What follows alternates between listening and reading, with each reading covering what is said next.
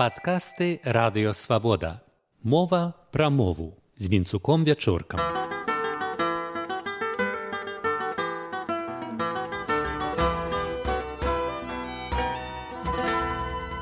Вітаю шаноўнае спадарства. Ізноў звярнуся да спадчыны вацлава ластоўскага, які сто гадоў таму разумеў, як важна запоўніць лякуны у слоўніку адроджаныя беларускай мовы хутка і поўна каб не смелі казаць, што няма тэрміналогіі, што немагчыма выказаць глыбокіх думак ці навуковых паняццяў.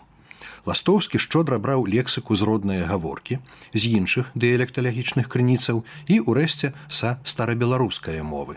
Але я не буду заглыбляцца ў навуковую нетру, скажу пра больш побытавыя словы, блізкія да тэрміналогіі, замкнёныя наменклатурныя групы назваў.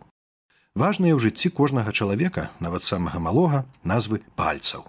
Гэта адначасова тэрміналагічная група ў анатоміі. Ластоўскі іх упарадкаваў паводле свае глыбоцкае гаворкі.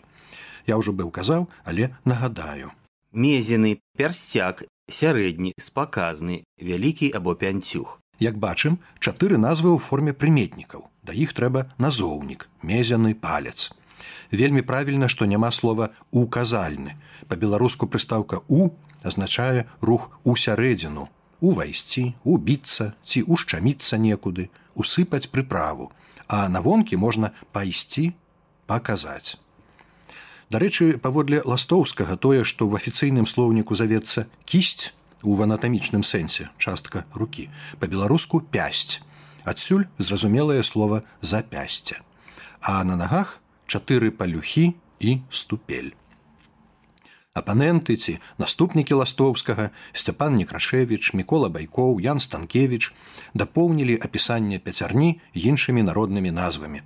Можна сказаць, што паводле традыцыі рацыянальнага пурызму, закладзенай ластоўскім, працавала тэрміналагічная камісія інстытуту беларускай культуры, якая ў двадцатыя гады упарадкавала беларускую навуковую тэрміналогію ў больш як 20 тамоў. У томе номіна анатоміка альбо рутэніка ёсць месца і пальцам.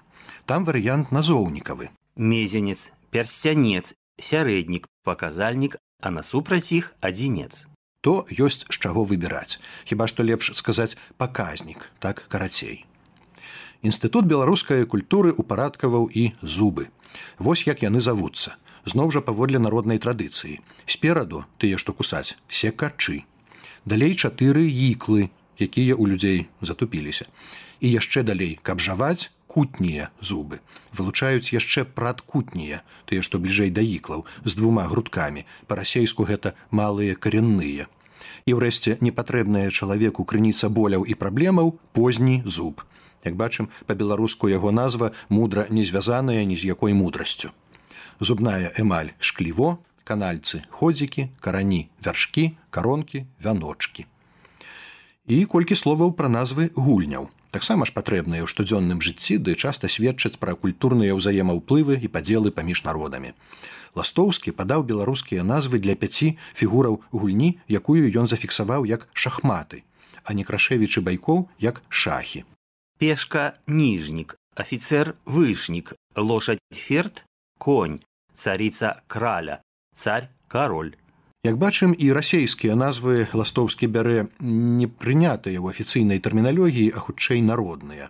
адны царіца і царь чаго вартыя. Беларускія назвы ўкладаюцца ў пэўную сістэму вайскова-дзяржаўную, як у шахах мадэлі міждзяржаўных спабораў і мае быць. Шараговы ніжнік і вышэйшы пасадаю вышнік. У нас толькі кароль у сучаснай расійскай тэрміналогіі ён урэшце таксама прыняўся. Што ж да кралі, то гэтае слово, як і расійская царіца, вынік памылковага трактавання выгляду фігураў пры запазычванні гульні. Кожны, хто знаёміўся з шахамі, ведае, што гэта фігура баявая, наймацнейшая і наўрад ці стасуецца да вобразу спешчанай каралёвай жонкі.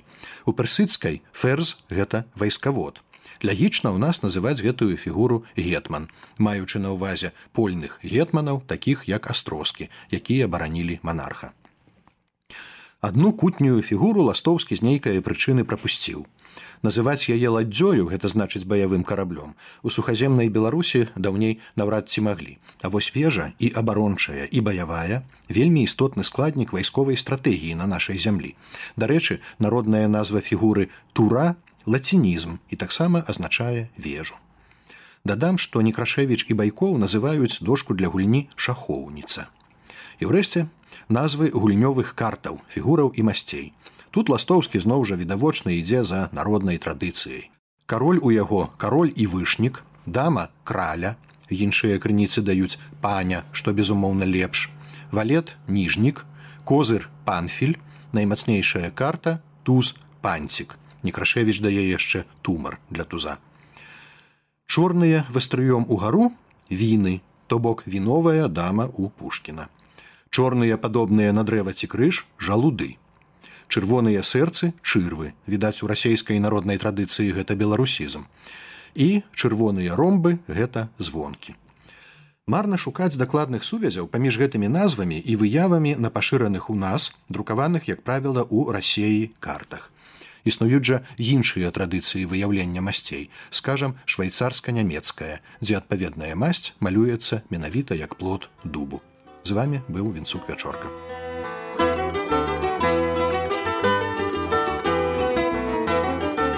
Вы слухали падкаст радыё свабода. Усе падкасты свабоды ў інтэрнэце на адрасе свабода кропка орг. Штодня, у любы час, у любым месцы, калі зручна вам. Свабода кропка орг. Ваша свабода.